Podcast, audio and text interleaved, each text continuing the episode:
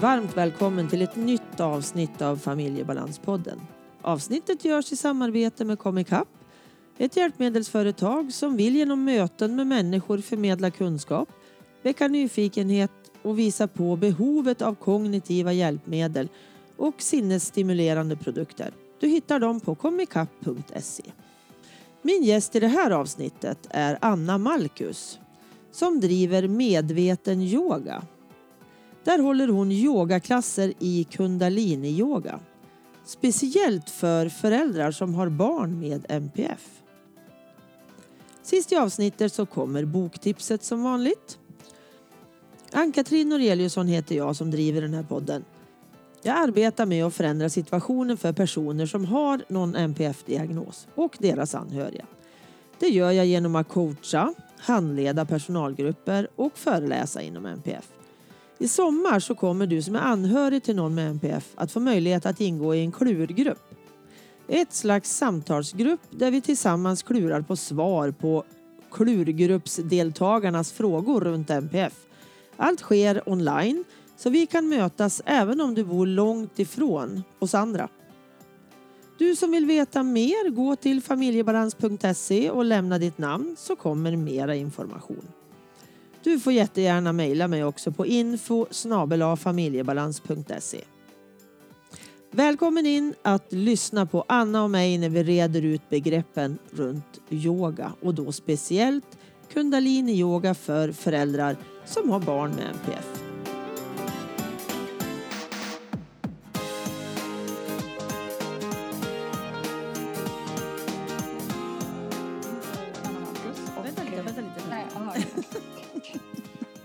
Precis.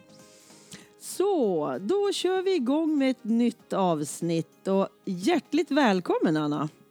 Tack så mycket. Du ska först och främst få berätta lite själv vem du är och så att vi har lite koll på vem Anna är du, nu när vi fortsätter i samtalet sen.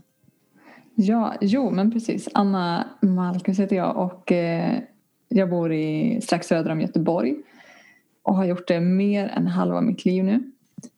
Eh, och eh, jag är utbildad till civilingenjör och till yogalärare så nu håller jag på att jobba ihop de världarna egentligen. Jag har jobbat ganska länge som projektledare inom IT-världen eh, men sen gått över till att jobba med yoga och hälsa och få ut det på arbetsplatser och se till att få in hållbarheten och inte bara deadlines och stress till exempel. Mm. Så, ja, så jag har bytt riktning och sen så har min yogaväg utvecklats eh, framåt åt olika håll. Spännande! Och idag ska ju vi prata om föräldraskap inom MPF och yoga. Precis. Så det var ju något jag eh, drog igång i höstas kan man ju säga. Jag mm. eh, har själv släkt med autism och ADHD så insåg att det tar väldigt mycket kraft, väldigt mycket det tar väldigt mycket, både, både att hantera vardagen men också att hantera eh, alla relationer mot olika mm. instanser, skola, vård och vad det nu kan vara. Mm. Så, så då förstod jag att ja, man behöver ju en oas någonstans där man kan gå och bara få tänka på sina egna behov. Mm. Och få släppa det här att hela tiden fundera på vad behöver någon annan och ligga steget före för att förhindra eh, att saker exploderar.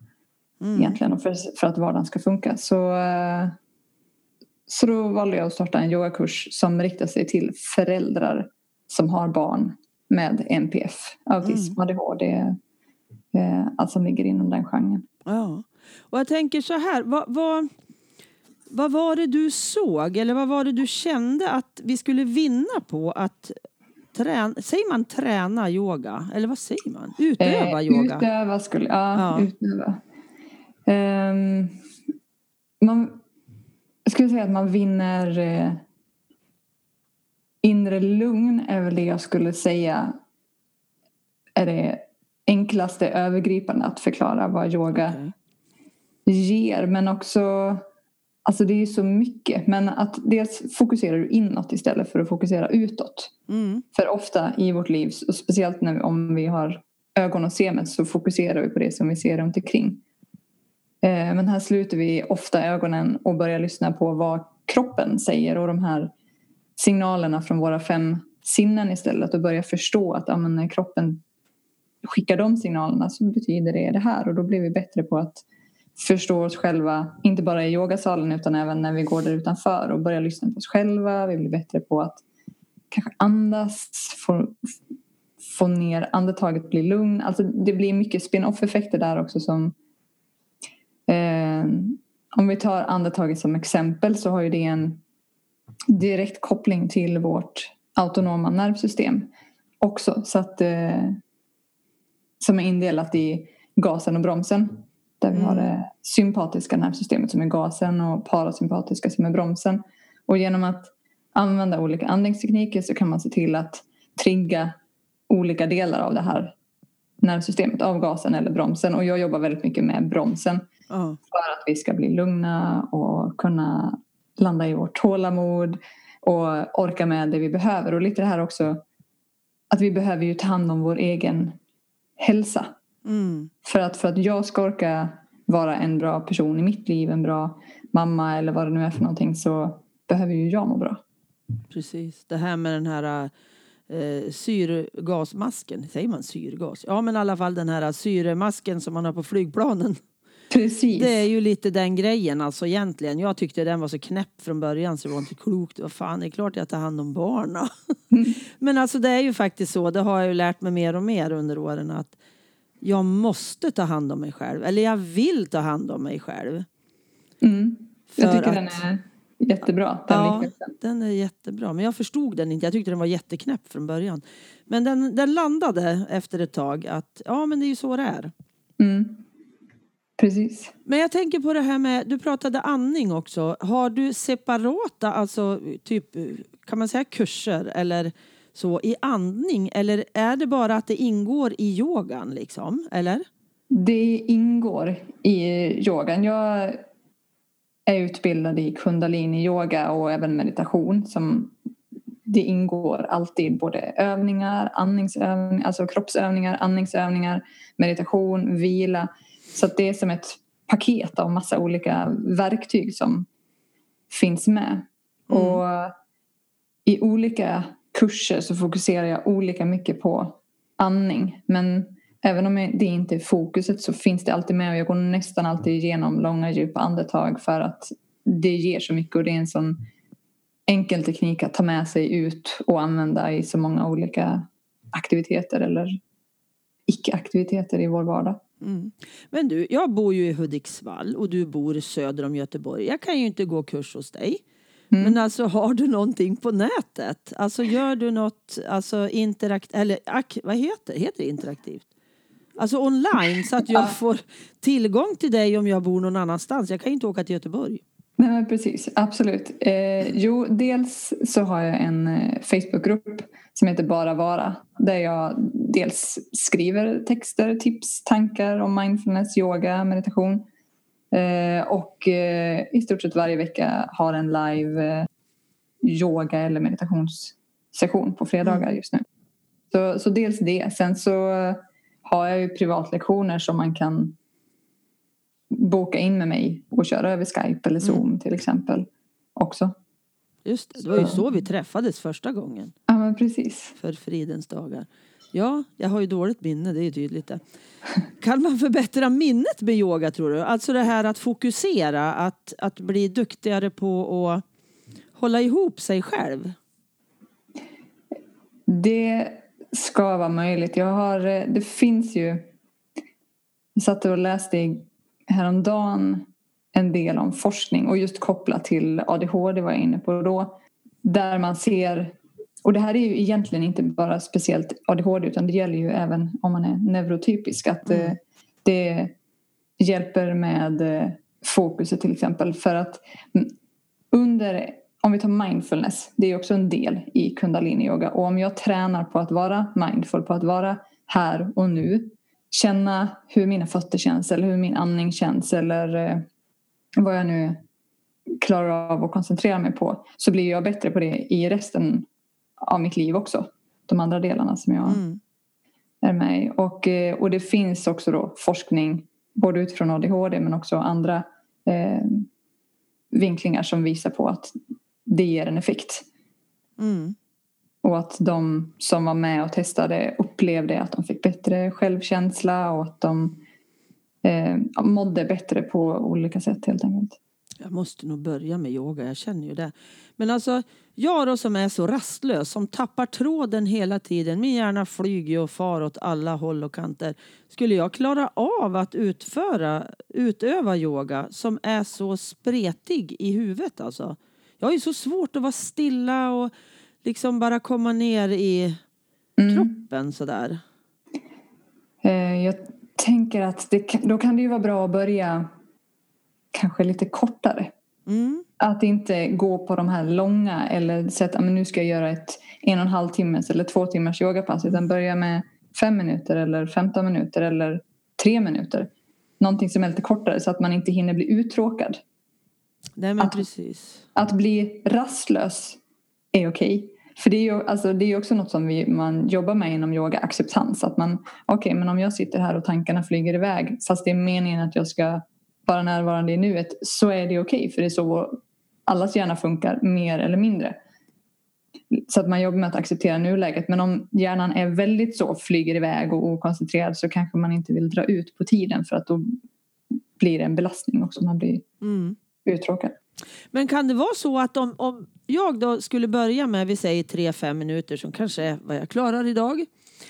Alltså kan jag tror du öka då? 6 minuter, 8 minuter? Alltså har du sett sådana fall som är så här liksom det är så pumpar liksom inuti en hela tiden. Ser du att det blir att man kan vara i sig själv längre och längre?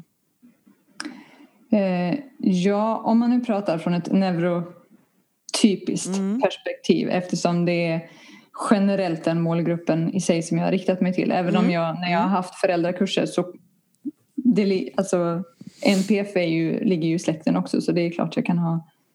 Eh, men det jag ser är ju på mina deltagare generellt att i början när man kommer så är det svårare att eh, koppla bort om det låter massa i något rum bredvid eller utanför för att man störs på det men sen undan för undan så till slut så kanske man inte ens märker, jaha, var det någonting som hände där?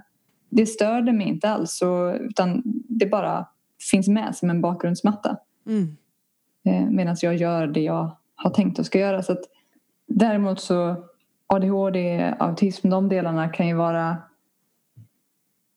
jag vet inte. Nej. För jag har inte yogat direkt med de personerna enskilt på det sättet. Men det är ju värt att prova tänker jag. Precis, absolut. Och jag menar, börja korta stunder och känns det sen att ah, men nu funkar det att öka en minut eller oj, nu satt jag två minuter till. Mm. Det är ju helt okej. Mm. Jo, en men jag tror, jag tror jätteofta att det är så att man tror att jag då som har ADHD, jag tror ju alltid att jag ska klara lika länge som alla andra. Och så känner jag det där misslyckandet liksom. Fasiken. Jag tröttnar, om jag går på ett gympapass, alltså jag tröttnar ju efter 20 minuter så börjar jag titta på klockan för det är så tråkigt så jag håller ju på och kräks. Mm. Men jag kanske skulle gå på gympapass om en kvart. Och inte Absolut. misslyckas hela tiden då i så fall. Ja. Och det Det, är väl här fler... är en jätterolig idé. Ja, Att verkligen. ha kortare bitar istället och kanske ha mer intensivt eller någonting Mm. istället. För det Precis. skulle jag klara. Ja, alltså exakt. korta svängar. Och lika så tänker jag också med yogan. Att jag skulle säkert klara en kvart. Tio Mm. minuter, en kvart kanske. Och sen få öka då. Och så ta jätteförsiktigt. Mm. Precis. Och- Ja, att man vågar utmana sig själv. För ibland så gör man ju inte sakerna heller för att jag tänker att det kommer aldrig att gå. Ja, ja men precis. För man kan vara trött på att misslyckas. Ja, och Mm. då är det kanske bättre att prova den där lilla stunden då på några minuter bara.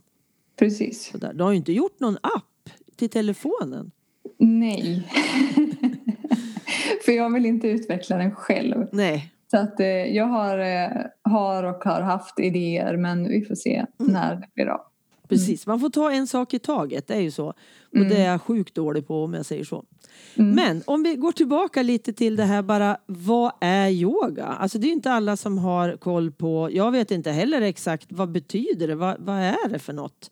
Det finns Ja. ju massor av olika former förstår jag ju. Mm. Att det är inte Jag bara kan- kundalini-yogan liksom utan det finns en uppsjö. Och Precis. vad, är, vad förenar och vad skiljer? Ursäkta att jag avbryter hela tiden. Men alltså vad förenar och vad skiljer? Men jag, tänkte, jag ska börja där du började i den Ja. här långa frågan. Ja, För du började fråga vad yoga är. Sen var det jätteintressant för att du kom in på ordet förenar sen. För ordet yoga betyder ena, förena, unity. Mhm. Ja. Och det tycker jag också hjälper till att förstå vad är yoga för någonting. Mm. Att det handlar om att ena, man, man kan ju prata om kropp, sinne, själ, de tre delarna till exempel. Att man faktiskt jobbar med att få dem i balans eller Mm. förena dem. Att alla är inte enheter som finns helt separat för sig själv utan om vi jobbar på att faktiskt må bra i kroppen och att må bra i sinnet och i själen så kommer hela jag att bli lyft av det. Okej. Mm. Så, så i kundalini-yoga så jobbar man ju på alla de här tre delarna. Egentligen i, i de olika teknikerna som vi använder. Sen, eh, alltså det finns ju så otroligt många yogaformer. Så att det är svårt att veta bara var man ska börja. Och vissa är ju som kundalini-yoga-traditioner som kommer från Indien. Eh, sen finns det ju de mer, om man tar liksom andra änden, om man, det som lite löst kallas för gym-yoga. Okej. Som kanske mer fokuserar på det kroppsliga fast man har tagit med kanske vissa delar från andningen eller mindfulness. Eh, Men det kroppsliga är ofta det som man fokuserar på. Mm. Och sen här emellan finns det ju liksom hur mycket som helst variationer. Men någon, en annan yogaform som jag har hört om mycket de senaste åren det är ju yin-yoga till exempel. Okej. Och yin, då är ju yin och yang. Mm. Och yin är ju det lugna. Om man förenklar. Så, så skulle, skulle det vara yang yoga så jobbar du på att bygga upp energi eller få upp energi. Yang jobbar du på att sänka lite det parasympatiska bromsen i kroppen. Okej. Så yin yoga är väldigt stillsam. Du sitter lite längre i vissa positioner för att eh, släppa på eh, saker som har satt sig. Och man jobbar lite djupare i kroppen där. Men jag ska inte gå in på detaljerna för de har jag inte. Där. Och kundalini yoga det är också egentligen väldigt brett som så. För att jag jobbar utifrån det väldigt lugnt. Det är det som jag levererar oavsett egentligen vilket pass jag har. Vilken, eh, vilket tema det är så är det lugnet som är min kärna. Mm. Sen så kan man jobba med pass som gör att man blir lugn eller trött eller pigg eller får energi. Så det finns en väldig blandning där också men ofta kan passen vara dynamiska. Man rör sig en stund i samma övning med andningen i takt till det Mm. man gör. Sen, eh, ja, är det någon yogaform som du har hört talas om? Ja, kundalini-yoga faktiskt har jag hört. Men jag har aldrig... eh, Jag har ju aldrig förstått. För jag gick... Jag var på någon sån här kursgård någon gång. Där vi hade... Om, sen vad det var, om det var yoga eller vad det var. Men det hette någonting med kundalini. Och det handlade om... Då var det i tre olika sektioner liksom. En så bara... Man stod liksom och inte skakade så. Men man liksom småhoppade för att få igång alla energierna vad jag förstår. Och sen satt man en del av passet och sen var det en tredje som jag faktiskt har glömt. Det är väldigt många år sedan det här. Och jag fattar nog aldrig riktigt vad jag höll på med måste jag säga. För jag var ganska grön i, i hela den här äh, eran med olika meditationer och sånt där. Ja, precis. Så jag vet inte riktigt vad det var. Men kan du berätta lite om just din... Om kundalini yoga. Ja, hur går det till liksom? Om jag skulle till? komma Mm. till dig till exempel. Vad skulle vi göra då? Hur ska du göra? Först ska jag säga, det, det är ju alltid en, oavsett vilken lärare man går till så är det alltid en speciell struktur på det. Vilket ju kan vara skönt för vissa. Det finns verkligen en agenda. Och det första är att man tonar in sig och då använder man ett eh, mantra eh, från sanskrit. Och det är Ong Namo Gurudev Namo. Och det betyder jag hälsar den obegränsade kreativa kraften och den inre visdomen. Okej. Och det är något som man upprepar tre gånger och det handlar om att ge mig, min kropp, mitt sinne, min själ signal att jag ska vara här och nu. Jag ska vara centrerad, jag ska göra yoga och lite där vända uppmärksamheten inåt och lyssna inåt. Inifrån och ut istället för tvärtom. Mm. Så, och det kan ju vara ovanligt för någon som aldrig har på med yoga eller ens har på med, om man inte har hållit på med mantran tidigare heller. Men om man gör ett tag så brukar det kännas väldigt bra. Man brukar kunna känna att ah, men det här är en signal. Mm. Sen eh, är det kroppsövningar, det som är själv som jag ibland lite slarvigt kallar för yogapasset. Mm. Och det är, det är en serie med kroppsövningar eller ställningar som har ett visst syfte eller man vill uppnå någonting visst. Så det kan vara ett yogapass för att eh, förbättra immunförsvaret eller för att eh, bli flexibel i ryggen. Eller, så det finns egentligen enormt många syften att Mm. jobba med i olika yogapass. Ehm, och det kan vara väldigt okomplicerade rörelser eller ställningar med kroppen som man kan göra sittande på stol. Och sen kan det vara mer utmanande positioner där man, det är bra att ha en yogamatta och man ska ja, komma in i olika positioner helt enkelt. Men i stort sett alltid så går det att anpassa utifrån eh, nuläget som man är i just precis nu med kroppen och sinnet. Så även om jag är rörelsehindrad alltså på något sätt Mm. så kan jag utöva yoga på ett eller annat sätt då? Mm. Det går liksom att anpassa efter individen. Så. Precis.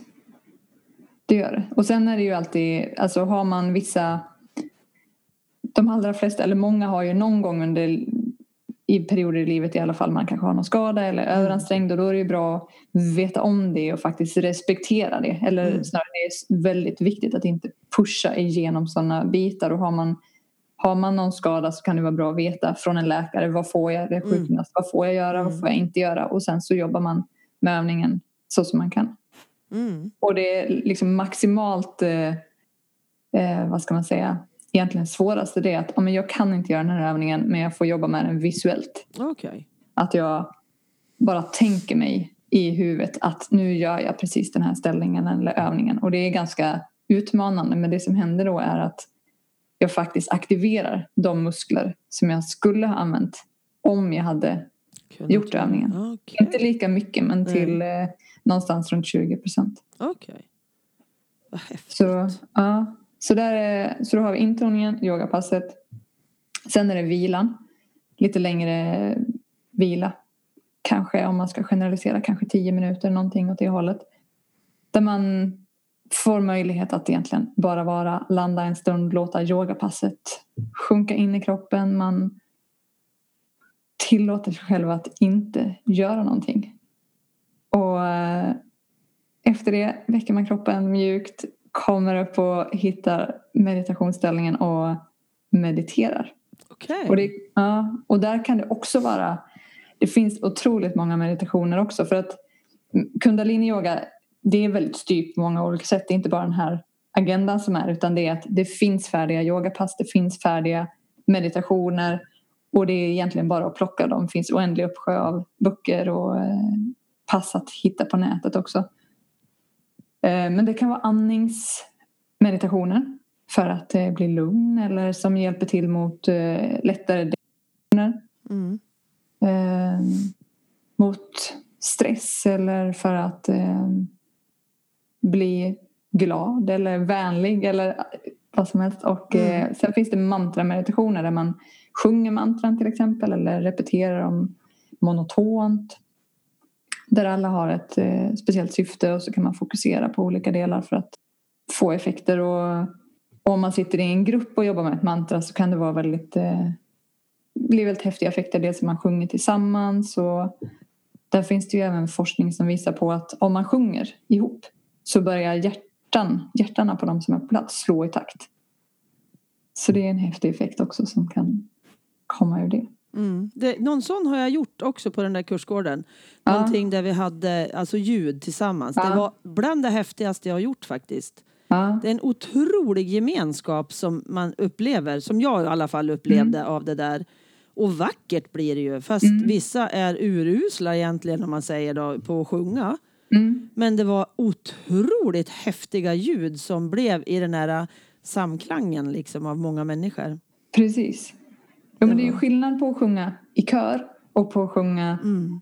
i, utifrån ett yogiskt perspektiv. För då sjunger du, det är lite som de här liksom soul-sångerna. om- Alltså man sjunger från ett annat ställe i kroppen. Man sjunger inte för att det ska vara vackert utan man sjunger från ett vackert ställe nästan. Det är ju en känsla som förmedlas på något vis. Precis. Precis. Tänkte jag då vet jag. Mm. Sådär. Ja men precis. Och sen så avslutas allt med att man tonar ut. Så då blir det inramningen där med eh, till uttoningsmantra. Och det är satt nam. Och det betyder jag är sanning eller sann identitet. Okej. Okay. Och det är också tre repetitioner. Och det är ibland på klasser, apropå det här med att sjunga ihop, ibland när jag har varit lite större klass och alla är trygga med varandra och säger men ta din egen ton. Du behöver inte ta den tonen jag startar på utan alla sjunger. Och då, det, det är sådär så att det, jag ryser mm. i den känslan för att det, det blir så vackert även om man sjunger helt eh, toner som går helt stick i stäv med varandra. Mm. Mm. Men hela känslan i det när du berättar om det sa mig vackert. Det blir något, det blir något väldigt speciellt. Hela den här uh, delarna som du berättar om och alltihop, den känns väldigt hel. Mm. Att det blir verkligen en början och ett slut och jag, jag, gör, det för mig, jag gör det för mig själv. Mm.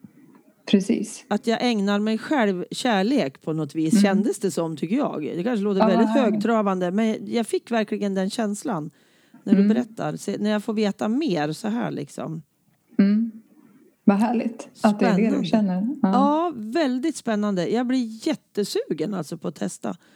Så det, men hur väljer jag sort då? Väljer jag efter läraren eller väljer jag efter vad jag behöver eller hur går det till? Du menar om du ska välja att gå på en klass? Ja. Nu i Hudiksvall får ja. man ju säga att det är inte så stort.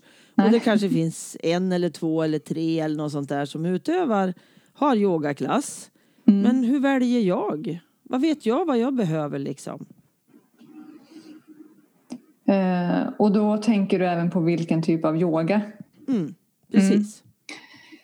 Mm. Eh, man får, jag, jag skulle säga att man får prova för att bara det du säger att ja, men vilken lärare ska man gå till? Det beror ju på. Det kan ju hända att jag älskar kundalini-yoga när jag går till en viss yogalärare men det funkar inte riktigt lika bra med en annan. Så det kan ju vara personberoende eller så är det inte det. Det beror ju också på hur du är. Vad, mm. Vilket behov har du av att läraren är på ett visst sätt? Mm. Och hur mycket kan du jobba utifrån dig själv? För det är ju du som kommer dit som mm. gör jobbet. Mm.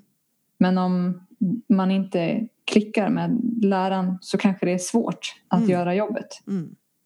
Så, så jag skulle säga att man får testa. Och det gäller ju olika yogaformer också. Um, och jag har provat en del olika men jag kom, det, jag, det jag har hittat i kundalini-yoga är ju det som jag vill ha. Mm. Helt enkelt. Mm. Okej. Okay.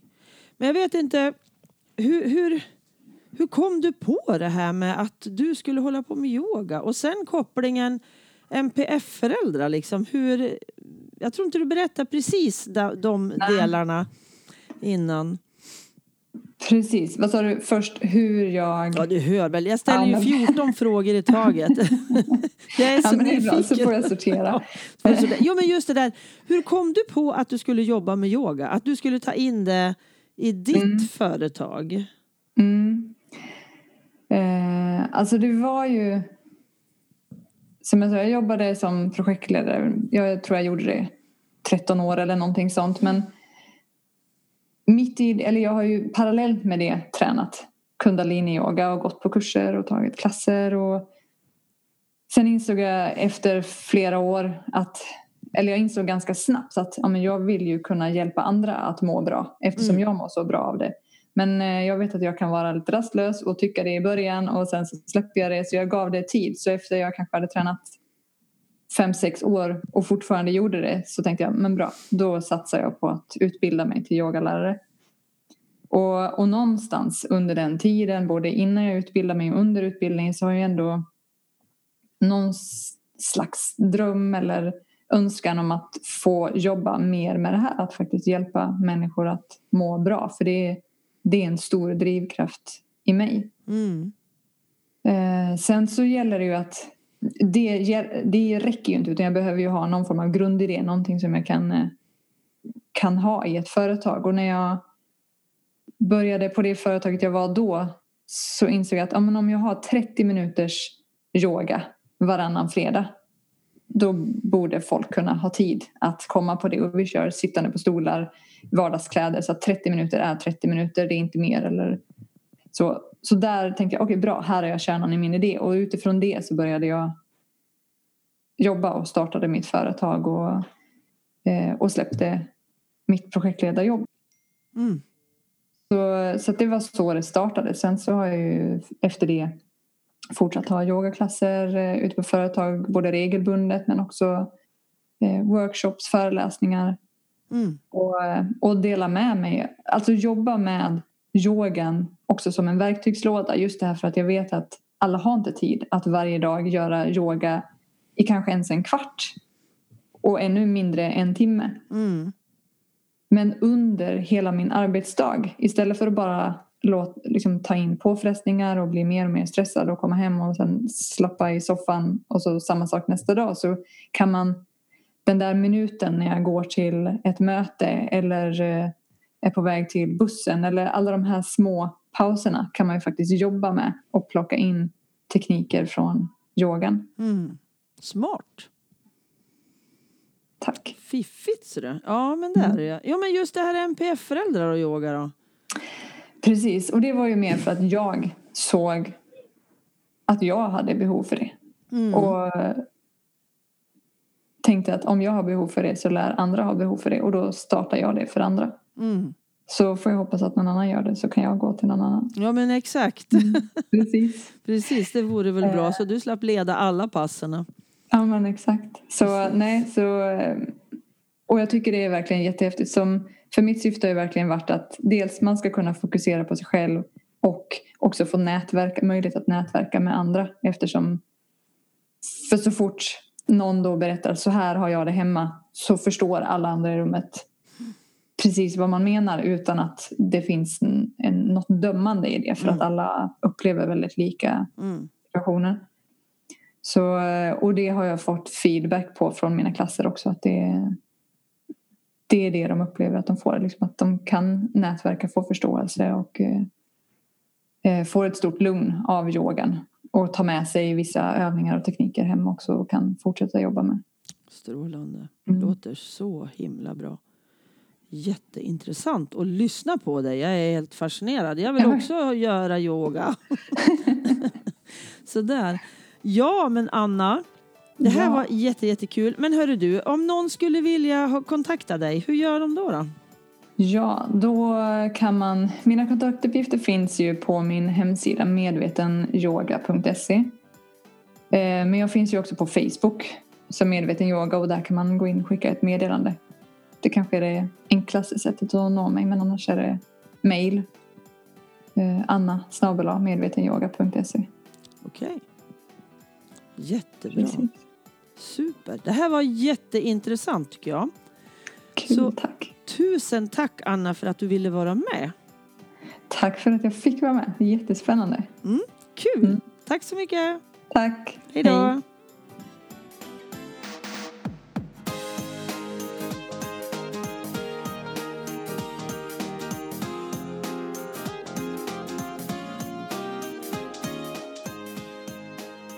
Tipset den här gången är Inkluderingskompetens vid ADHD och autism.